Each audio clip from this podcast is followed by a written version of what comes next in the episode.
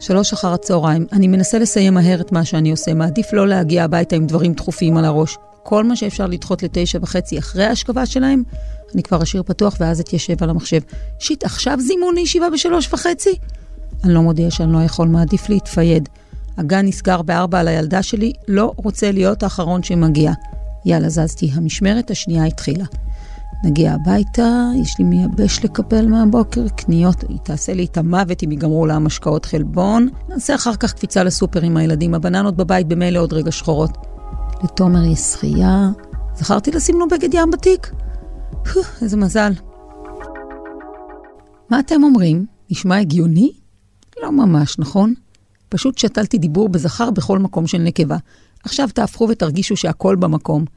אין פה כמעט אימא שלא מכירה את הסיוט הזה, המעבר בין המשמרת הראשונה, העבודה בחוץ, זאת שאת מקבלת עליה כסף, למשמרת השנייה, העבודה בבית, זאת שאת כל כך רוצה לעשות בכל ליבך, אבל לא סופרים לך אותה. העבודה השקופה. וזה הנושא של פרק 7 בפודקאסט שלי 25 שעות ביממה, שמופק יחד עם עיתון הארץ. העבודות השקופות, מטלות הבית והמשפחה שבכל העולם, אבל במיוחד בישראל, נופלות בעיקר על אנשים.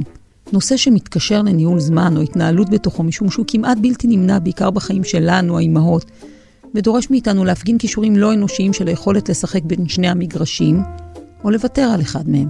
לעשות קריירה ולרכוש את העבודות השקופות ממישהו אחר בהמון כסף, לפחות עשרת אלפים שקלים בחודש, או להישאר בבית ולוותר על היכולת להוסיף לשם שלנו את הפסיק הקטן הזה שאחריו אנחנו גם עוד משהו חוץ מאימא לשלושה. נדבר פה עם חוקרת עבודות שקופות, ניתן להן שם ומשקל. נדבר עם חברת הכנסת מרב מיכאלי על מה אפשר היה לעשות פה בישראל כדי לספור אותן וכמה זה חיוני, אבל למה כל כך קשה. ניקול ריידמן, אימא לשניים, שעושה מיקור חוץ בהמון כסף לכל מה שלא מהותי בעיניה לאימהות שלה, תעזור לנו להבין לכמה כסף בחודש יכולות להגיע העבודות השקופות, אם לא את עושה אותן בעצמך. רמז, שש ספרות במקרה שלה. ונדבר עם היוצא מן הכלל שמעיד על הכלל, השחקן אורן דסאו, שעף על זה שהוא גבר כל כך מיוחד. במה? בזה שהוא המטפל העיקרי בבנותיו, בעוד שאשתו עושה קריירה. אני רותי רודנר, ואני מבקשת מכם, הגברים, האבות, הפעם תישארו פה עד הסוף.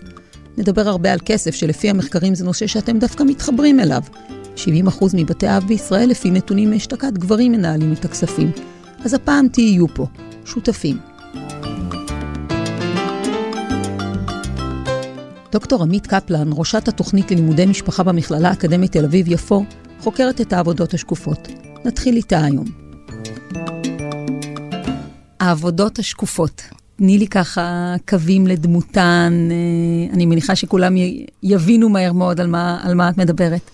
אז אה, עבודה שקופה, באופן הכי הכי כללי, זאת בעצם עבודה שלא מוגדרת פורמלית כעבודה. היא לא מוכרת, היא לא, לא זוכה בהכרה והיא לא זוכה בתגמול. אז כשאנחנו מדברים על עבודות שקופות, בדרך כלל אנחנו מתייחסים לעבודות שנעשות במשק הבית, במה שמכונה המרחב הפרטי, הביתי, המשפחתי, לעבודות אה, עבודות הבית והטיפול, ניקיון, כביסה, כלים, תיקונים, וכפי שאמרתי קודם, גם טיפול בילדים ובילדות ובבני ובנות משפחה. קראתי מחקר שככה משלים את התמונה, המחקר של הביטוח הלאומי. אה, זה הגיע למצב ש... אימא, ל, אה, לדעתי, שלושה, ארבעה ילדים בישראל, או, הורה שנוטל על עצמו את נטל העבודות השקופות, עובד בהן איזה שמונה שעות ביום, בממוצע. זאת אומרת, זה ממש, אה, כשמדובר כבר במשפחה עם, עם כמה ילדים, ממש יום עבודה. ואכן, אנחנו מוצאים שזה לגמרי, הם מוצאים במחקר שלהם שזה אה, קודם כל עבודה לכל דבר, ושנית, ההיקף שלה הוא עצום. ואולי הדבר הכי חשוב זה שהיא לגמרי לגמרי ממוגדרת. זאת אומרת, במיוחד אז... עבודות הבית, אבל גם עבודות הטיפול, תכף נתייחס לזה, הן עדיין סופר ממוגדרות. אז תני לנו את המספר, שלה... שאנשים ידעו שכשאני מדברת פה ברוב הפרק הזה על, על עלינו הנשים או עלינו האימהות, אני לא סתם עושה עוול למעט הגברים שנושאים בנטל הזה. אני חושבת שהממצא הכי מדהים הוא שבלי קשר למי שאת ולרמת ההשכלה שלך. ולכמה שעות את עובדת בשוק העבודה, ואם יש לך ילדים קטנים ומה הגילאים, ואם את יהודייה או ערבייה, אה, או, או האתניות שלך, מרכז, פריפריה, בלי קשר לכל הדברים האלה, את עושה בממוצע יותר מבן הזוג שלך בבית. וזה ממצא נורא חזק. אז uh, אני רוצה רגע לדבר על השקיפות של העבודות השקופות, כי מצד אחד, בחייהן של הנושאות בנטל, הן מאוד לא שקופות. נשים במחקר שעשיתם מדווחות על עייפות מאוד גדולה, על משועבדות לסדר יום שהן לא מצליחות להיחלץ ממנו, שחוזר מדי יום, שקשור למטלות הילדים והבית, והן בעצם ממש מספרות, ואני חייבת להגיד שזה לא רק ממעמד סוציו-אקונומי נמוך, זאת אומרת, זה גם נשים שיש להן קריירה וכולי, שבעצם בשוליים של יום העבודה המתוגמל שלהן, בעצם מכניסות עוד יום עבודה נוסף. אמ, ואז השאלה שלי היא בעצם, איך נותנים לדבר הזה ערך כלכלי? כמה, אה, כמה זה בעצם שווה? אז. יש כל מיני שיטות לתמחור. אה, במחקר שאני ממש עורכת בימים האלה עם דוקטור מירי אנבלד מהמוסד לביטוח לאומי, מה שהסתכלנו זה על כלל הנשים והגברים בשוק העבודה, לא רק על עקרות הבית. Okay. רצינו אוקיי. לחשב את ה, באמת את השווי הכספי של, של, של העבודה השקופה. לקחנו מהמחקר ש, שאנחנו עשינו את ה, כמה נשים בכל מיני קבוצות חברתיות, כמה אה, עבודה שקופה הן מבצעות וכמה גברים, ובעצם עמדנו את הערך הכספי לפי שתי שיטות. שיטה אחת זה שכר מינימום, okay. אוקיי. ושיטה שנייה זה כמה מקבלות אה, בממוצע בשוק העבודה אה, אה, מטפלות ו, ועוזרות. Okay. אוקיי. אנחנו משערות שאיפשהו, אם היינו צריכות לתת איזשהו מחיר, 5,000 שקל נגיד באמצע, ככה היית מקבלת השכר שניתן על העבודה הזאת. עכשיו, כמובן, תכפילי את זה ותחשבי את זה, זה, זה, זה מספרים למשל שלא נכנסים בחישובים של האיתנות הכלכלית, למשל, של החברה הישראלית, אבל מה אנחנו באות ואומרות, לא רק אנחנו, כן, המון חוקרות אה, אה, אה, פמיניסטיות, כלכלניות וכדומה אומרות, יש פה עבודה חשובה שתורמת רבות לחברה, אבל אף אחד לא סופר אותה. והדרך לשנות היא בין השאר להכיר בה, לאו דווקא לשלם את ה-4,000 mm-hmm. או 5,000 או 6,000 שקל, אלא קודם כל לעשות איזושהי הכרה. אבל okay? יש ו... דרכים גם כלכליות להכיר בה. אני אתן לך דוגמה. אישה שכן אה, יוצאת לעבוד מחוץ לבית, ויש לזה הרבה טעמים שהם לא רק כלכליים, זה עניין של זהות, של השתייכות, של, של הגדרה עצמית וחברתית.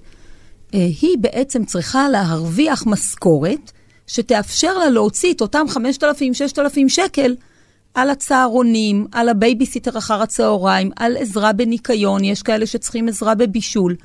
אם למשל היו מכירים בזה כעבודה, אז היו, אה, אפשר היה לתת על זה סבסוד, הקלות במס, אה, להעריך את, את המסגרות חינוך, ככה שלא אה, עד גיל שלוש לא יהיה לך שום עזרה, ומגיל שלוש יש לך עזרה בסך הכל עד אחת אחר הצהריים. בצהריים, לא אחר הצהריים. אני חושבת שמה שצריך לחשוב זה לא כמה אני צריכה להרוויח כדי לשלם מהכסף שאני מרוויחה למטפלת, או אה, mm. לבישול, או, או, אלא כמה משק הבית בכלל. עדיין שוק העבודה בעצם בנוי לפי מה שאנחנו, מה שמכונה בספרות, האידיע, הנורמה של העובד האידיאלי. כלומר, אימהות או אנשים שמטפלים באחרים, ויש להם עוד מחויבויות מחוץ למחויבות לשוק העבודה, לא נספרים, הם לא נחשבים עובדים אידיאליים. אוקיי? ולכן שוק העבודה כונס אימהות בשכר על עצם האימהות. צריך לשנות את הנורמה הזאת, צריך לשנות את שוק העבודה. וכאן גם יש באמת את העניין של איזושהי תפיסה עצמית של נשים, נכון. שבעצם נהיות אה, נחותות כלכלית מעצם העבודות השקופות האלה. ולמה... אה, אה, איך התפתחה התפיסה הזאת שעבודה, הרי מה לא אמרנו קודם, למה העבודות האלה מוגדרות לא עבודות? כי התפתחה בקפיטליזם תפיסה שעבודה היא רק פרקטיקה שאת מקבלת עליה שכר, אוקיי? כן. ואז אני חוזרת לשאלה שלנו על, על בעצם מה, מה המחיר שנגיד לא לצאת לשוק העבודה. אז אני עושה את אותה עבודה, אני מחליטה להישאר, נגיד, לעשות עבודות שקופות בבית, ולא לעשות את העבודות של שוק העבודה. זאת כמובן בחירה לגיטימית. אבל הפנלטי הזה, הקנס הזה בשכר, אחר כך הוא יכול להיות גדול יותר בשוק העבודה, ואת זה צריך לזכור. וזה בעיקר במדינה שבעצם... אה, מעודדת כמעט, מאוד ילודה. מאוד נכון. מעודדת ילודה, מאוד קצרה ידה בעזרה לשמירת מקומה ושכרה של, של אישה ש, שהולכת לחופשת לידה, והכל מאוד קצר. נכון, אז למשל, מה שעושים, אחד הדברים שעושים בעולם, זה הבנה שאם אנחנו רוצות לשנות בעצם, לייצר אה, משקי בית יותר שוויוניים, חלוקת עבודה יותר שוויונית במשפחה, אז, אז דרך המדיניות היא בעצם להכיר ולחלק מחדש את הנטל, אוקיי? Mm. זאת אומרת שעוד אנשים יעשו את העבודה השקופה. מי זה עוד אנשים? זה יכול להיות המדינה עצמה, באמצעות, למשל, מסגרות לטיפול ממש בתינוקות מתום חופשת הלידה, אוקיי? זאת אומרת, את אמרת קודם, מגיל שלוש אצלנו יש לנו את חוק חינוך חובה, חינם, כביכול, כביכול, כולו עד ארבע-חמש. כן, חינוך הוא, החובה, הוא, נכון? גוזר, הוא, גוזר על, על, על, על האימא יום עבודה מאוד קצר, או עלות או גבוהה, כן. שאלה, מי סופר, מי מונה, מי מחלק. הרבה פעמים כשאנחנו שואלות את השאלה הזאת, אנחנו מוצאות את התשובה שאנחנו לא נמצאות שם. אנחנו לא, הקול הזה, אה, לא סתם העבודות האלה שקופות, ולא סתם נשים עושות את העבודות האלה, כן? כי יש חיבור בין איפה הכוח לבין, בסופו של דבר, הערך החברתי שניתן לעבודות. כי אני חושבת שהשינוי הוא לא שינוי של להגיד, אנחנו לא רוצות לעשות את זה. כי נגיד במחקר שלנו, היו הרבה קולות שאמרו, אמהות שאמרו, אנחנו רוצות לטפל. אז, אז אם אנחנו לא רוצות בהכרח לוותר, אנחנו אומרות, בואו נאפשר לאימהות, לנשים, לבחור. אז, אז מה שחשוב לעשות זה לשנות את ההכרה החברתית, כן? Mm-hmm. ב, ב, לתת להן ערך חברתי. לא רק ערך כלכלי, אלא ערך חברתי. עכשיו, עוד, עוד תחום של מדיניות, אז אמרנו דבר אחד, להתאים את המסגרות, mm-hmm. את הפעילות שלהן, שעות הפעילות שלהן לשוק העבודה, אה, וגם להתאים את השעות של שוק העבודה לחיי משפחה. נכון. אוקיי? ואחד הממצאים שלנו, למשל במחקר, זה שנשים, דפוס העבודה של נשים הפך דומה יותר לדפוס העבודה של גברים. זאת אומרת, במקום שכולנו נטפל קצת יותר, mm. או יהיה לנו קצת יותר זמן לדברים שהם לא שוק העבודה, כן, אנחנו בשביל uh, להיות חלק מהשוק, משוק העבודה ולהתקדם, אנחנו בעצם עובדות יותר שעות, אוקיי? אז זה גם mm. משהו שצריך לחשוב עליו, במקום להאריך את שעות העבודה של כולנו, אולי לקצר. אוקיי. את שבוע כלומר, העבודה. כלומר, במקום שיהיה גן עד שש, להיות במצב שבשלוש זה הגיוני ש... שלוש לגיטימי. לא רק זאת שמסתכלת לצדדים ולא נעים לה יוצאת לגמרי. uh, להביא את הילדים מהגן, לגמרי. אלא כולם. לגמרי, ושזה לא יביא באמת לקנסות במרכאות, על זה שאם את יוצאת מוקדם יותר בגלל המחויבויות המשפחתיות, זה אומר שאת לא עובדת רצינית, שאת לא מסורה. כי מה מצאנו? למשל, קבוצה מרתקת במחקר שלנו, של הייטקיסטיות, שאמרו, אנחנו... אמ, גם אם אנחנו יוצאות מוקדם יותר, אנחנו ממשיכות אחרי זה לעבוד בלילה. כן. אנחנו עושות משמרת שנייה, ואחר כך משמרת שלישית. מכירה את זה. ו- ו- ובאמת, שמענו המון כאב בהקשר הזה, כן? של, של, של, של אי-הכרה. כי, כי את מתמודדת באמת מול שוק עבודה שמקודד אותך, קודם כל כאימא, ואז אם את, בעצם את כבר עם איזה מינוס קטן, כן? את, את, את כל הזמן צריכה להוכיח, למרות שאני אימא, אני רצינית. למרות שיצאתי בארבע, אני, אני עובדת מסורה. עכשיו, למה למשל לספור את המסירות הזאת בשעות? אפשר לספור את המסירות ואת התרומה הזאת לא בשעות. באיכות, או... במשימות מוגדרות. נכון. עכשיו, אני רוצה להגיד עוד אופציה שיש. Mm. זאת אומרת, אז אנחנו מסתכלות על, על מדיניות של קיצור שבוע עבודה והתאמתו למשפחה, ועל התאמה של המסגרות, כן, נגיד אה, לא עוד שתיים, אלא מסגרת חינמית עד ארבע. כן? ועוד סוג אחד של פתרון, שיש עליו, כבר מצטברות עליו עדויות מחקריות מאוד מעניינות ויפות ואופטימיות, mm-hmm. אני חושבת, זה על uh, uh, איך מעודדים אבות להיות מעורבים okay. אוקיי. בטיפול בילדים ובעבודות הבית. עכשיו, כמובן, אחד התחומים הכי uh, uh, חשובים, ובאמת, uh, שאנחנו גם רואים, רואות uh, uh, השלכות חיוביות שלו, זה חופשת לידה לאבות. ושאלת מה קורה במדינות אחרות, אז יש לנו כבר מחקרים, למשל על שוודיה, ועל נורבגיה, ששם יש חופשת לידה ייחודית, אינדיבידואלית, בלתי ניתנת לה, להחלפה, למשל עם האם או עם מישהו אחר, לאב. כן, ממש מכסה שהיא חופשת הלידה של האב, ומחקרים מאוד מעניינים מוצאים שכמובן זה מעודד את המעורבות האבהית, אבל מה? זה גם הופך את חלוקת עבודות הבית ליותר שוויונית. וככל שהחופשה יותר ארוכה, ככה השפעות חיוביות יותר על, גם על השוויון בבית, אחר כך בעבודות השקופות, בעבודות כלומר, ה... כלומר, אפשר לעשות מדיניות וזה, אבל זה בסוף צריך לשבת על אה, יסודות מאוד עמוקים בחברה של... נכון, וזה החלק הפחות אולי אופטימי של השיחה שלנו, של המחקרים שלנו, שמסתכלות על ישראל, ואנחנו מסתכלות על שוודיה, ואני, ואני מסתכלת על החקיקה הזאת, ואני אומרת, וואו, מה שהם ממש אומרים בחוק, מה שעומד בבסיס החוק זה שוויון מגדרי. אוקיי, okay, מדינה באה ואומרת, אני רוצה שיהיה פה שוויון, וזה האג'נדה שלי, זה האג'נדה הפוליטית שלי, זה משהו שאני זה המצע שלי בבחירות. אבל כל עוד זה לא נספר, אוקיי? וכל עוד בעצם, אז אנחנו רצות במקום. אנחנו רוצות שהעבודה הזאת תפסיק להיות שקופה.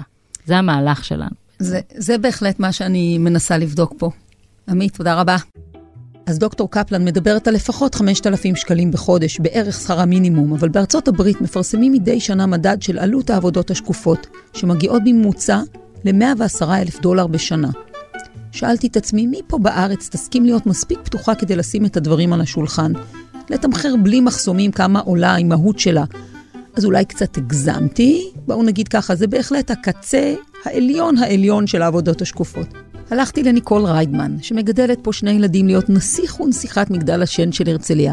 היא מוציאה לפי החישוב שלי בערך 200 אלף שקלים בחודש על האפשרות להשאיר לעצמה באמת רק מה שחשוב לה בלהיות אימא שלהם. ניקול ריידמן, תציגי את עצמך. אה, ניקול ריידמן, אשת עסקים, אה, אימא לשניים, אה, זמרת, מעצבת, מה עוד, מה עוד אפשר להגיד עליי? אז בואי תספרי לי באמת, כי זו השאלה הראשונה שלי, איך התנהל הסדר יום שלך? השגרה שלי מתנהלת מזה שקודם כל אני מתעוררת מאוד מאוד מוקדם בבוקר, שש בבוקר אני כבר על הרגליים. זה הבוקר טוב עם הילדים, להכין להם ארוחת בוקר מהירה, סנדוויצ'ים לבית ספר, לגן. את מכינה? אני מכינה בבוקר, ואז אני יוצאת מהבית, ואני חוזרת במקרה הטוב בשמונה בערב. אה, במקרה הפחות טוב, גם בשלוש ובארבע לפנות בוקר, תלוי ממה בנו היום שלי, אם יש לי באותו מופע, אם יש לי חזרות, אם יש לי אירוע. אה, מאוד מאוד תלוי, אני מאוד משתדלת, אה, לפחות כן לפני שהם הולכים לישון להיות בבית, גם מבחינתי אם זה לעשר דקות להגיד להם לילה טוב. וככה זה במהלך השבוע עד סוף שבוע. סוף שבוע בשנים האחרונות הפכתי אותו לקדוש. שבוויקנד אני עקרת בית לכל דבר, בבוקר יום שישי זה קניות, בישולים, ארוחת שבת, קידוש, שבת זה תמיד עם הילדים, פעילות, כל מה שהם רוצים, הם יודעים שזה היום שלהם. הם רוצים עכשיו קטיף, אז קטיף, אם זה טיול עם פוני, אז זה יהיה טיול עם פוני. מה שהם רוצים זה היום שלהם. רכיבה על פיל. רכיבה על פיל, מה שהם רוצים. אני שם, כל עוד זה ישים. אה, בכיף, ואני חושבת שזה משהו שהוא מאוד חשוב גם בשגרה שלנו, לעשות את ההפסקה הזאת, כן להיות בבית עם הילדים, כן לתפקד גם בתור אימא, לא משנה כמה מבשלות יש לך, וכמה מנקות וכמה מטפלות, עדיין ילד זקוק לאהבה ולחום ולתמיכה של אימא, במיוחד שהיום אני גם אימא חד-הורית, שאבא הוא בכלל לא נמצא בתמונה. אה, הנוכחות שלו היא מאוד מאוד מינורית, מבוססת על כמה ביקורים אה, של חצי שעה כאלה בשבוע להגיד שלום, נשיקה וללכת, אז הוא לא גם משתתף בגדילה שלהם, בחינוך שלהם, הכל עליי. את uh, בעצם, uh, ככה, בלי לשים לב, את uh, נכנסת לזה שבכל הדבר הזה שנקרא העבודות השקופות, שזה העבודות שלנו כאימהות, או שלנו כהורים, אבל, ועבודות הבית, אז בעצם חלק מזה זה עבודות מאוד טכניות. לצורך העניין, כמו ניקיון, אה, לא יודעת מה, סרות. זה דברים שלא רואים. אבל יש גם את העבודות הרגשיות. את יודעת, חברים שבאים ואומרים, בואנה, איך הכל מתנהל? בטח יש לך פה 400 אנשי צוות שמעניינים את הכל. בסופו של דבר אני מנהלת את הכל. אף אחד בבית לא עושה משהו שאני לא יודעת שהוא עשה, אם זה מסוג של חביתה שילד אוכל בערב, ואיך לקפל את הכביסה, אה, ומה לשלוח לניקוי יבש. אני פרי קונטרולית ברמה פסיכופתית לחלוטין. זה מאוד קשה, כי המוח הוא ב-24/7, גם כשאת הולכת לישון בלילה, המוח לא מתנתק מה... תעשי לי רגע סדר, אה, את יודעת, כי באמת בראש שלך זה גם נראה לי מאוד מאוד מאורגן, מה מעבודת האימהות? על כל הפנים שלה, השארת רק בידיים שלך? מה, מה, אפשר, מה אפשר להוציא החוצה? שיחת נפש עם ילד, כשעובר איזושהי אה, טלטלה רגשית, את לא יכולה להפיל את זה לא על מטפלת ולא על אף אחד. אה, זה, זה משהו שהוא שלך, וההתמודדות של הילד אה, צריכה להיות בתמיכה של ההורה ולא של לא מטפלת ולא פסיכולוג ולא אף בעל מקצוע אחר, כי זה תמיד הבית והגרעין. לקפל כביסה, אני יכולה לוותר על החוויה הזאת, לשטוף כלים ולהכניס למדיח שמישהו אחר יעשה את זה. אחר הצהריים יש איתם בייביסיטר, לא, לא חוגים, עם הסיע, תתני לי ככה את הרזולוציה. הם כל כך עסוקים, הילדים שלי עובדים מאוד קשה. הם חוזרים מבית ספר, הם אוכלים ארוחת צהריים, ואז באמת, שמונה בערב, יש להם לוז. אם יש לי איזה יום חופש, או התבטלה לי פגישה ואני רוצה להיות עם הילדים, אני צריכה להתקשר למנהל היומן של הילדים ולבטל להם חוגים. מה זה מנהל היומן? יש להם מנהל יומן. לכל ילד יש לו בין שלוש לארבע, בין שלושה לארבעה חוגים ביום. זאת אומרת, כל ילד יש לו mm. את הלוח זמנים שלו. חוזר מהבית ספר, אז יש ג'ודו, קרב מגע, סינית, אנגלית. מי מסיע? אה, יש להם נהג שמסיע אותם, זה התפקיד שלו, mm-hmm. להחזיר, לקחת, אה, לבנות את כל הלו"ז, יש גם הרבה חוגים בבית, תודה לקורונה. זה כל כך מיותר, אחים קצרים, ובאמת אין לי את ה-25, 6, 7, 8 שעות ביממה, יש לי 24, אני צריכה לנצל כל דקה מהם. אני לא אבזבז את הזמן שלי, יותר קל לי לשלוח את המזכירה שלי לאספת הורים, הם כולם מכירים כבר, נירית מגיעה. היי נירית, אה, אה, כן, מזכירה של מישל וריצ'י, אה, היא כותבת לי הכל, היא מסכמת לי את זה בהודעה אחת של כל מה שהולך לקרות, והיא... רגע, מה, שם. מה נירית עושה? זה לא דימה?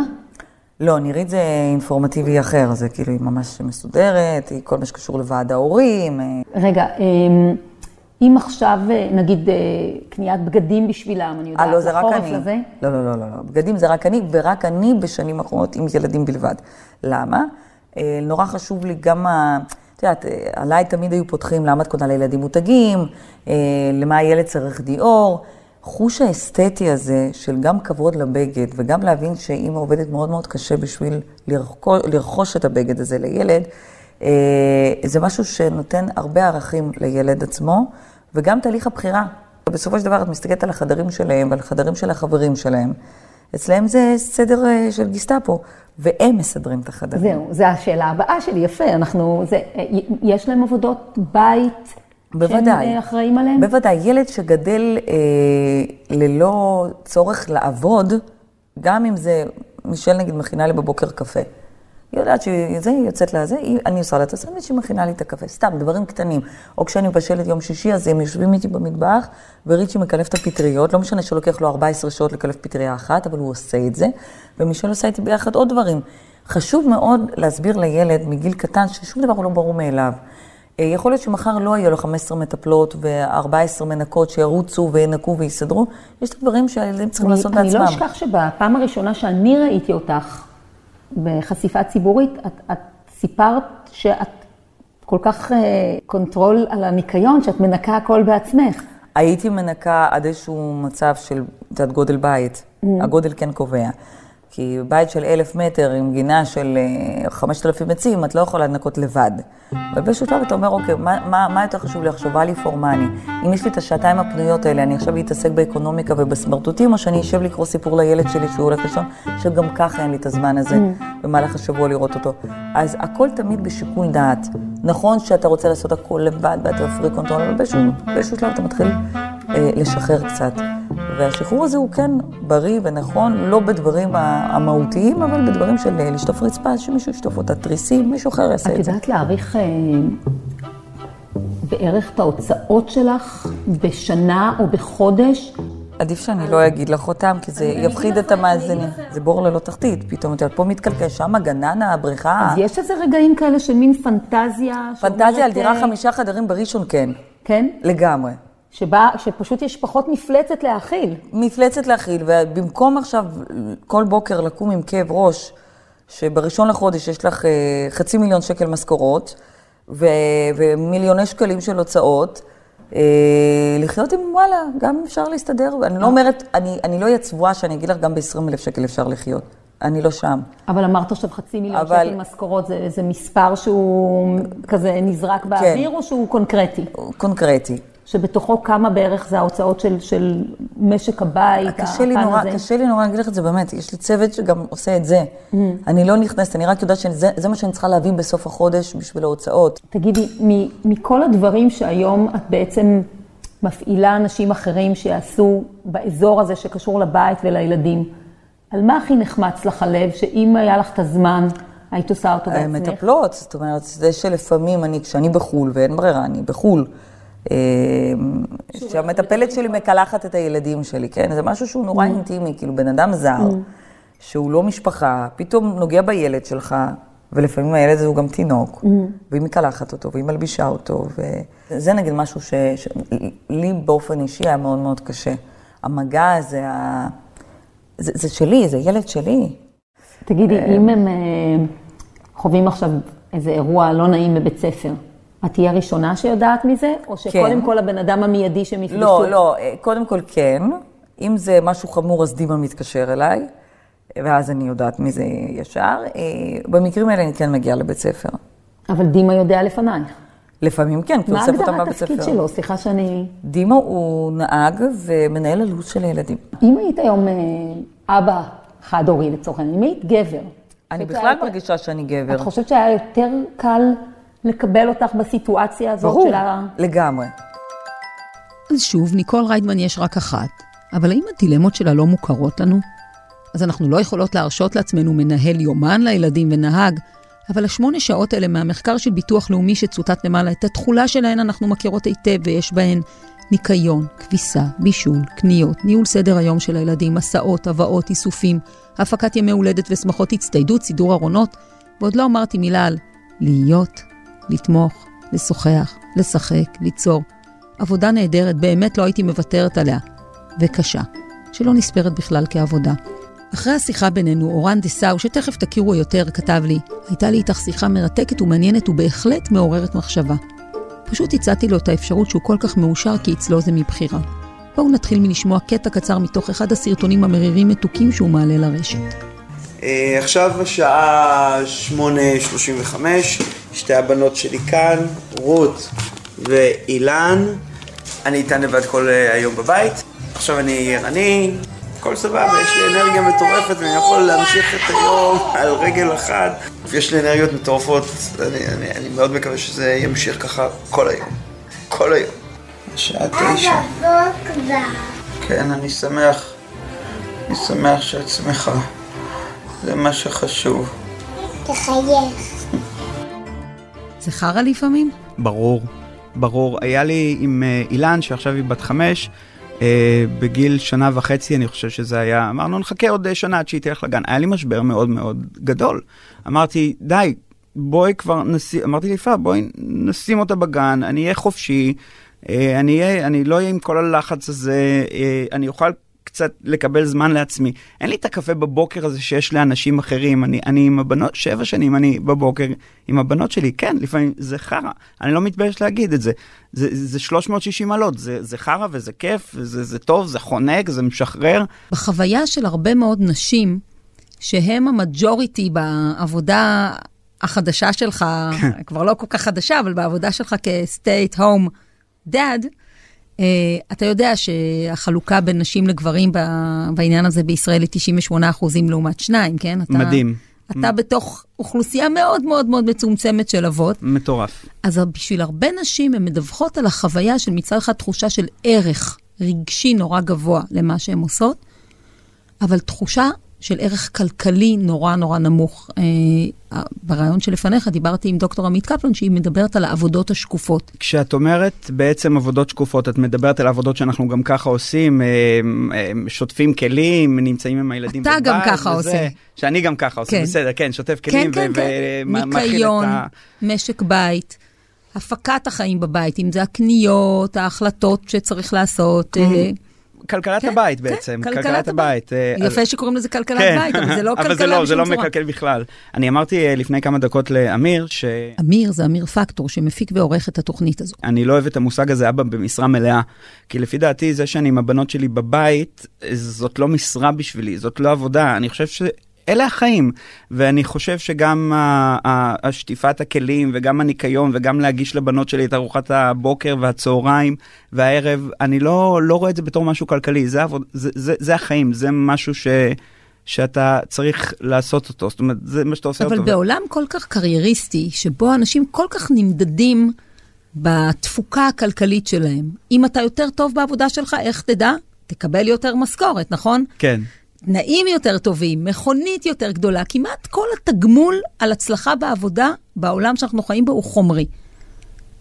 ובעצם אתה עובד בעבודה שלא מקבלים עליה שום אה, נקודות ושום אה, שום תלושים בחג. רק חיוכים, פרגונים, ולפעמים גם uh, קנאה מצד אנשים שרואים שאני נשאר בבית עם הבנות שלי, ומבחינתי הערך הרגשי הוא, הוא שווה הרבה. Uh, אי אפשר uh, לפי דעתי לשים על הדבר הזה תג מחיר. אני כן משלם מחיר מסוים של קריירה. אני הייתי יכול uh, להתמקד בשיווק ולפתח את עצמי יותר ויותר. אני שבע שנים כבר בבית, בבקרים, וגם אם הייתה לי הפסקה בין רות לאילן, שרות הלכה לגן והייתה, אילן הייתה עדיין עם יפה בחופשת לידה, עדיין לא, לא הצלחתי למצוא את עצמי בזמן הזה, בבוקר שיש לי, מה אני עושה, איך אני מתכנת את עצמי עכשיו לעבוד, לכוון את הזמן הזה לעבודה. לא הצלחתי לעשות את אם זה. אתה מדמיין את עצמך עוד אה, חמש, עשר שנים, אתה חושב שיש מצב שאתה תרגיש שככה הפסדת שנים מאוד מאוד משמעותיות בקריירה, בהתפתחות שלך כאמן, ב- ביכולת שלך, אתה יודע, להיות אה, מפרנס אה, כפי יכולתך. אני כרגע לא מרגיש שאני מפסיד משהו, אני כן חושב שאני משלם איזה מחיר, אבל אני לא מרגיש שאני, אני מרגיש שאני יותר מרוויח מאשר מפסיד. אלו רגעים שאני נמצא עם הבנות שלי בבית, שאני רואה את הזחילה הראשונה של אילן נגיד, של רות גם, גם של אביב, את כל הדברים הראשונים, שאני בעצמי רואה את זה, ולא אף מטפלת, ולא אימא אחרת, ולא מישהו אחר בגן, שאני רואה את זה, זה שווה כל דבר, אין לזה תחליף. משכורת, אם היו משלמים כסף על כל זה, באזור המשכורת של ה-5,000-6,000 שקל בחודש. והיו אומרים לך, עכשיו אני נותנת לך עבודה שיכולה לת... להכניס את זה פנימה בקלות. וכל... אתה. תחזור הביתה בצורה סבירה, אתה תהיה נוכח, לא שזה, אבל הרבה מהמשימות היותר אפורות יהיו בידיהם של אנשים שתוכל להרשות לעצמך ותשלם להם כסף. אתה לוקח? לא, ממש לא. ממש ממש לא. אני באמת מרגיש בר מזל שאני נמצא בסיטואציה שבה אני נמצא. שאני אני כל כך גם מודה שקרה כל מה שקרה והוביל אותנו לזה שרות נשארה בבית, שראיתי כי טוב, והחלטנו, יאללה, גם את אילן משאירים בבית. ואת אביב אה, אנחנו חושבים, לש... אה, אנחנו שוקלים להכניס אותה לגן אה, בגיל שבע הבא. כזה. כן, אבל זהו, אני חושב למשוך עוד שנה, כי אני יודע שברגע שזהו, שהיא גם האחרונה, אז אתה יודע איך הזמן עובר מהר, ודברים שאתה לא רוצה להפסיד, ויאללה, אז אני אמשוך איתה עוד שנה, מה יקרה? הקריירה שלי או ההתפתחות העצמית שלי אה, קצת תידחה. עוד שנה, אה, אני חושב שאף פעם לא מאוחר מדי לעשות, אני לא אוכל... זו לק- תחושה מרכזית, כי, כי הרבה נשים כן מרגישות שהחמש עד עשר שנים האלה, שזה גוזל מהם, נורא נורא מפריע להם אחר כך להשתלב בחזרה במרוץ, אבל אתה לא נראה שאתה מודאג מזה יותר מדי. לא, אני מרגיש שאני אוכל למצוא את עצמי איפשהו. אה, אני לא אוכל לקפץ אה, בהפעלות ימי הולדת ושעות סיפור עד גיל, אני יודע, אה, 50, 60, לא יודע כמה, אני, כמה יהיה לי כוח לזה, אבל יש הרבה כיוונים, הרבה אפיקים שאני יכול, יצירת סרטונים, אה, להתחיל אה, לה- להפיק מזה כסף, אה, לא יודע. לא, בינתיים אתה, בינתיים אתה יוצר סביב עולמך שלך. לגמרי, עולמו כן. של אה, עקר הבית, איך אומרים בכלל את המילה הזאת? זהו, זו אני מילה לא קצת יודע. אה, מבעיטה. אני, אני אהבתי את מה שם, שכתב לי באנגלית caretaker. כן. אבל זה לא שאני הקרטייקר העיקרי, כי גם יפה עושה דברים, היא גם, היא, היא גם עובדת והיא גם עם הבנות. כי אתה והיא- הרווחת עזרה מאישה. בניגוד לרבות מהאנשים שהעוזר שלהם הוא גבר. גדול. אני חושבת על התחושת זכייה הזאת שאתה מספר עליה, וההתברכות הזאת, ואני שואלת את עצמי אם זה לא בגלל שהייתה לך בחירה, ושזה עושה את כל ההבדל. העובדה שאתה בחרת בזה ושלא נידונת לזה, ולכן יש משהו מאוד מודע בוויתורים שאתה עושה וכולי, ולא תחושה של כבלו אותי לזה, כן. ויום יבוא ואני אצא. אני, אני חושב שבהחלט זה, אה, זה, עניין של בחירה. אנחנו בחרנו, יכולנו להחליט להביא מטפלת או להביא, אה, לא יודע מה, או להכ- להכניס אותה בג, אה, לגן מוקדם, גם את אילן וגם את אה, אביב עכשיו, אבל כן, אני בחרתי בזה. וכשהייתי אה, מסתובב עם רות למשל במשחקיה בנווה צדק, אז הייתי אב בין אה, אימהות ומטפלות ולא ראיתי אבות אחרים, וכן, הרגשתי שיש פה איזה משהו מיוחד, יש פה איזה עניין. קצת עפת על עצמך, זה מה שאתה אומר? אה, אני מודה שכן. אני מודה שהיה לי נחמד לבוא והמטפלות כאילו היו נותנות לי יחס מיוחד והאימהות ווואו, הרגש, אני לא חי על זה ואני לא עף על, על בסיס יומיומי, אבל, אבל כן הרגשתי, זה היה נחמד להרגיש ככה מיוחד ושונה. אני מודה. בקיצור, אה, כמו שאמרתי בהתחלה, אתה פה בהחלט על תקן היוצא מן הכלל שמעיד על הכלל. תודה, אורן. מהזווית הכל כך נדירה של אבא במשרה מלאה זה עושה חשק, אבל בין היתר כי הייתה לו וליפעה אפשרות של בחירה מלאה, לשניהם. אבל במחקר של עמית קפלן ועמיתיה, והיא ביקשה להדגיש שזה מחקר כל כך גדול שחייבים הרבה מאוד חוקרים בשבילו. מספרות הנשים על התחושה שהן לכודות בתוך סדר יום שאין בו גמישות. הן מספרות על כמה הן עייפות והולכות לישון מוקדם, מה שעורר אצלי עוד יותר סלידה מהדחקה הקבועה על האישה הלא מגניבה שתמיד הולכת לישון לפניי. הן מספרות שם במחקר על המחירים הכבדים שהן משלמות בקריירה הכן משלמת שלהן, בכסף הכוונה, לא במטבעות של חיבוקים וחיוכים. צריך להזכיר פה שנשים וגברים באותו תפקיד לא משתכרים אותו דבר, ושלגברים בישראל יש לפי החישובים פי שניים יותר שעות פנאי בשבוע. מה עושים? איך משנים את זה? איך הופכים את העבודה ללא שקופה? שלום, חברת הכנסת מרב מיכאלי, איך אה, להגדיר אותך בימים סוערים אלה? חברת הכנסת מרב מיכאלי, פסיק העבודה. פסיק העבודה. טוב, אז הנה אנחנו אה, אה, מפלגת העבודה, ואנחנו באים לדבר פה על עבודה, והעבודות שאנחנו באים לדבר עליהן פה הן העבודות השקופות. את מכירה את המושג הזה? אני, אני מנסה לחשוב אם הן באמת שקופות. א', כל הנשים רואות אותן חבל על הזמן. מה זה רואות? וואו וואו. העבודה עצמה לא שקופה, אבל ש, שלא לומר טובעות בתוכן. היא אה, שקופה מבחינת תמורה, תמחור, תגמול. לא רק, אני חושבת שבאמת היא, היא, לא נרא, היא לחלוטין לא נראית בעיני מקבלי, מקב- מקבלי החלטות. אני רוצה להגיד מקבלי מקבלות, אבל זה כמעט, כמעט רק מקבלי החלטות. אני חושבת שגם הרבה גברים שלא אה, נאלצים, והמילה היא ברוב המקרים נאלצים לקחת חלק בעבודות האלה, אז גם הם לא באמת רואים אותם, כי אתה, נקודת המוצא היא שזה חלק ממה שהם מקבלים, חלק מהטריטוריה, והם לא צריכים באמת. את יודעת איך זה בא לידי ביטוי שנשים במחקרים על זה מדברות על הגבר במושגים שהוא עוזר. גם הגברים מדברים על עצמם במונחים שהם עוזרים. אני עוזר. אז לפני שאנחנו שואלות איך אנחנו מתמודדות עם החישוב מחדש של העבודות האלה, אנחנו צריכות קודם כל לקבל הח- החלטה קטגורית, חד משמעית, שצריך לעשות את זה, כי אנחנו עוד לא שם. מבחינה מדינתית, מבחינת ההבנה הכלכלית ומחקר של מחשבה של איך מתמחרות ומתמחרים את עבודות הבית וגידול הילדות והילדים. נכון? מצד שני, ברמה הפרסונלית, מסתובבות בינינו אה, רובנו נשים ש... נשים שמרגישות שאין להן ערך כלכלי. הן לא מרגישות, הן עושות שתי עבודות ומשולמות רק על עבודה אחת, כשעל העבודה השנייה, לא רק שאת לא משולמת עליה, אלא את גם לא מקבלת, את לא יוצאת ממנה לעולם לפנסיה, את לא מקבלת עליה פנסיה, את לא מקבלת עליה ביטוח לאומי. איך אה, עושים שינוי תפיסתי? קודם כל, מה שאת עושה עכשיו, מה שאנחנו עושות כל הזמן, צריך לדבר על זה, צריך להתעקש על זה, וצריך להתחיל אה, אה, למצוא מנגנונים שיתבעו את הדבר הזה. עכשיו, איך עושות את זה? אז אה, אני באמת, אני מאמינה שצריך, שממשלה צריכה להשקיע אה, כסף במימון מחקרים, פשוט מחקרים. זאת אומרת, לפרסם קול קורא ולהגיד, בואו תציעו לנו מודלים. משום שהחוכמה היא לא נמצאת במקום אחד, וצריך, אנחנו צריכות לבחון כל מיני, כי זה דבר שהוא יהיה ראשוני. עכשיו צריך לבחון מה יש במקומות uh, שונים בעולם ולראות. יש כמה דרכים שהן כבר מונחות לנו מתחת לאף, אוקיי? אז בואי נפרט אך, אותן. בואי נתחיל מעצמאיות ועצמאים. היה לפני, נדמה לי, 12 שנה, בכנסת ה-18, בג"ץ ורד פרי המפורסם, עורכת הדין ורד פרי, פמיניסטית, אה, מהממת, הלכה ועתרה לבית המשפט העליון ואמרה, סליחה, הוצאות הטיפול בילדות ובילדים שלי הן הוצאה לצורך הכנסה לכל דבר ועניין. אני מבקשת שיכירו בהם, אני מדווחת עליהם, אני מבקשת שיכירו איך אני אגש, אלך למשרד שלי. אם אין לי מי שתלך להביא את הילדות והילדים שלי מהגן, מבית ספר, תכין להם ארוחת צהריים, תראה שהן אה, מחליפות אה, בגדים, הולכות לחוגים וכן הלאה. ובית המשפט העליון קיבל לחלוטין את הטענה המאוד מאוד הגיונית ובסיסית הזאת.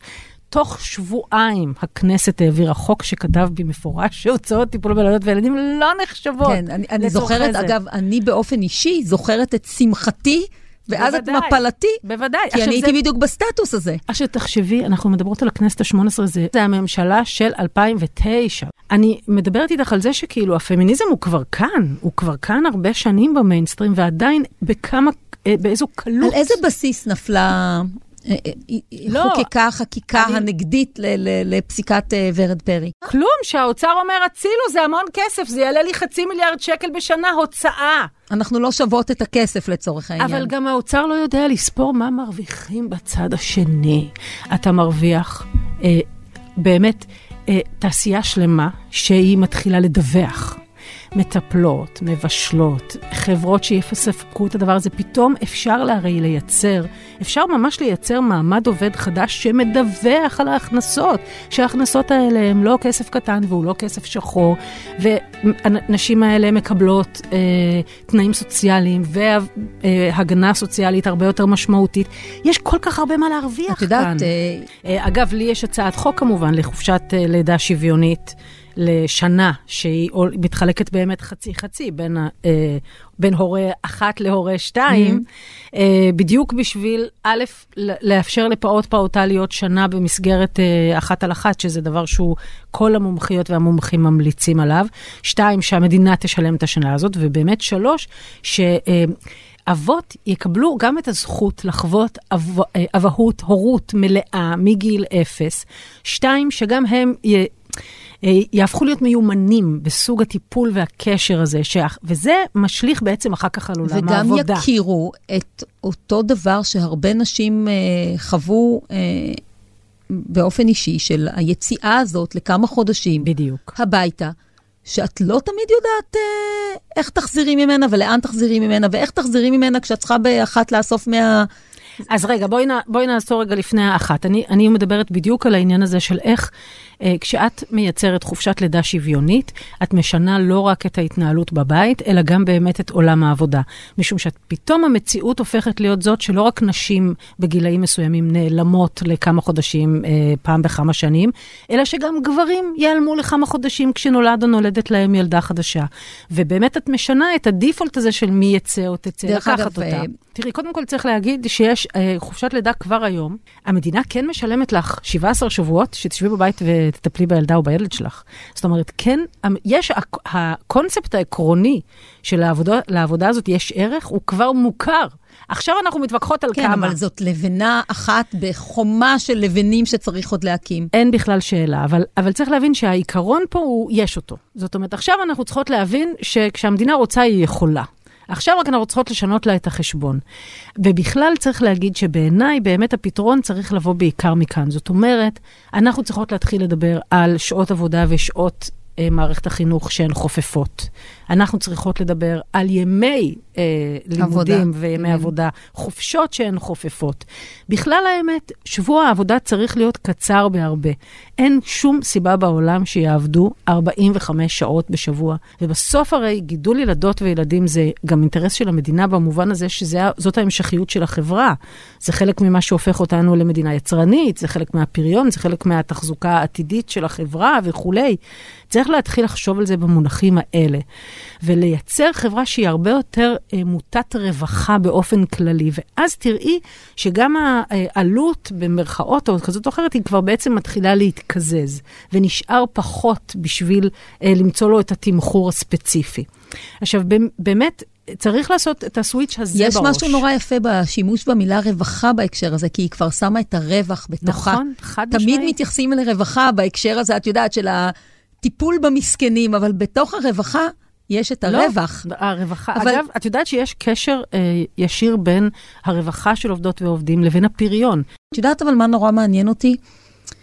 את מגיעה עם השיח הזה, כבר את יודעת, לא רק לקתדרות ולכיכרות, אלא באמת למקום שבו מתקבלות ההחלטות. את בסוף נמצאת בוועדה שבה אותו פקיד, או לפעמים אה, שר האוצר אה, יורד, ואיך נשמע השיח? איך שהמערכת שלנו עובדת, זה אומר שאם אני רוצה להעלות להצבעה את הצעת החוק שלי לחופשת לידה שוויונית, אז היא, צר... היא מגיעה למה שנקרא ועדת שרים לחקיקה, ושם היא פשוט נופלת על הסף. כי אין בוועדת שרים לחקיקה אף אחד או אף אחת שזה בכלל... אה, אג'נדה. באג'נדה שלה או שלו, ושרואים לזה חשיבות, ולכן זה בכלל לא באמת מגיע לדיון. זאת אומרת, אין מישהו או מישהי בעמדת כוח היום בממשלה שתדחף לקדם את הדבר הזה אה, עם העלות של החצי מיליארד שקל בשנה, שזאת הערכה שלנו. שזה לא עלות גבוהה, נכון? זה ממש ממש לא. זניח. לא, זה לא זניח, זה לא זניח. זה לא זניח? כ- חצי מיליארד שקל זה הרבה כסף. היה לנו דיון הזה, אבל כן, בואי ניקח את זה רגע אחד הצידה. כן הצלחנו להעביר עכשיו, בימי הדמדומים האלה של הכנסת, את הצעת החוק שלי, של ניצן הורוביץ ושל חברת הכנסת אורלי פרומן, על אה, חינוך אה, חינם מ-0 עד 3, זאת אומרת, מגיל סוף חופשת הלידה. סופר עד- קריטי לסוגיה שאנחנו מדברות עליה. סופר סופר קריטי, כי היום זה שוב, זה לימבו כזה, מי אמור לטפל בילדות בעיקר אם ובילדים יש עד לך גיל רצף, שלוש? רצף אה, אימהות כזה של ילד אחרי ילד, שזה מאוד מקובל בישראל, ואז את בעצם במשך איזה תשע, עשר שנים, את... אה, כן, אבל אפילו נגיד אם יש לך ילדה או ילד אחת, את, אם את רוצה לחזור לעבודה, מי יטפל בה או בו? זאת אומרת, או לחילופין, מי תישאר בבית? מי לא תלך לעבודה? זאת אומרת, מי לא ילך לעבודה? ובאיזה ובאמת- עבודה תעבדי שתאפשר כן. לך לשלם את העלות הכלכלית של הדבר הזה. עכשיו, ישבו, אז, אז בגלל שזה עבר קריאה טרומית, והיה דיון אחד ב... ב אמ, זה הישג. אדיר, מירב, כל כן, הכבוד. אבל לא. זה באמת דבר גדול, אני חושבת שזו פעם ראשונה שזה עבר זה- קריאה טרומית, זה דבר מדהים. באמת זה אינטרס חברתי ממעלה, ממדרגה ראשונה. אבל אנחנו דיברנו גם על האינטרס הכלכלי, כי ככל שאת משקיעה בילדות ובילדים בגיל יותר צעיר, אז את, היכולת שלך לקיים את מדינה מפותחת, עם אנשים שהם מגיעים רחוק, מסוגלות ומסוגלים להמציא דברים, ל- להיות start-up nation, ככה היכולת יותר גדולה.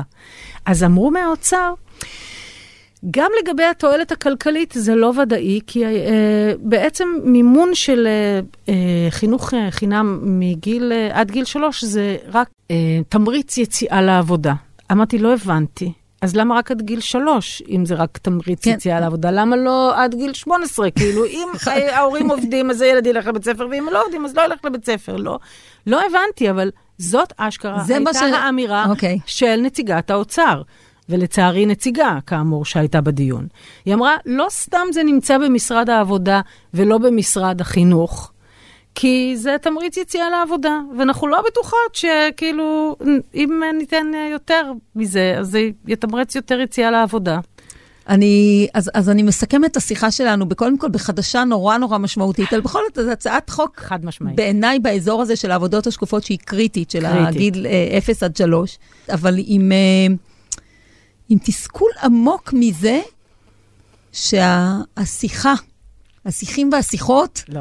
עוד מאוד... אה, מסקנה, אני, אני חופרת וחולקת על המסקנה שלך ברשותך. יאללה, תרוממי, תרוממי אותי. פשוט אנחנו צריכות לקום על החיים שלנו, ואנחנו צריכות להבין שיש, וזה כל פעם אנחנו נופלות ונופלים בדבר הזה. אגב, באופן כללי, הציבור לא מבינה את הקשר הישיר שיש בין מה שאת רוצה בחיים שלך, לבין הפתק שאת שמה אותו בקלפי. וצריך להבין שמי שאת, כשאת מצביעה לאנשים שזה לא מעניין אותם, וזה לא באג'נדה שלהם, וזה לא אכפת להם, אז אין סיבה שזה יקרה. זהו, זה פרק קצת אחר ב-25 שעות ביממה, שלא בדיוק עוסק בניהול זמן, אלא בתמחור שלו. כי בסוף מספר המטבעות שיש לנו מוגבל, וגם אם אנחנו בוחרות בקריירה בחוץ, המחיר בבית כבד ויקר, ולא רק בכסף. וגם אם אנחנו בוחרות בעבודות הבית, ורבות מצהירות שזוהי משימת חייהן. ערכתי משאל ספונטני בממזון בעניין הזה, אז חוץ מתחושה של משמעות, זה לא נספר בשום מקום, אפילו לא במינימום של זכויות סוציאליות. זמן שווה כסף, המשפט הזה חוזר פה לא מעט, והנה מצאנו מקום אחד שלא. הרבה נשים מסתובבות עם תחושה שיש להן בעיה בניהול זמן, שאם הן רק ישחקו את הטטריס יותר טוב, יהיה להן קל יותר, טוב יותר. הפעם אני חוששת זה לא המקרה. אנחנו חלק מחברה, והחברה הזאת יכולה להקל עלינו בהרבה דברים. להעריך את מסגרות החינוך, לתגמל אותנו בזכויות סוציאליות ונקודות מס על עבודה שקופה, לעודד אבות לקחת חלק, להתאים את יום העבודה ליום הלימודים, לשלם על חופשת לידה ארוכה, להכיר בהוצאות טיפול ובית, הרשימה עוד ארוכה. אולי אם לא היינו כל כך עייפות, היינו מתעוררות על עצמנו באמת. אני רותי רודנר, וזה הפרק הלפני האחרון והעונה הראשונה של 25 שעות ביממה. תודה לאמיר פקטור, גבר שעוזר נהדר, ולפודקאסטיית הארץ. אפשר להקשיב לפרק ולכל קודמיו באתר הארץ, בספוטיפיי, בגוגל פודקאסט, באפל פודקאסט ובאתר שלי. חפשו בגוגל 25 שעות ביממה. ביי בינתיים.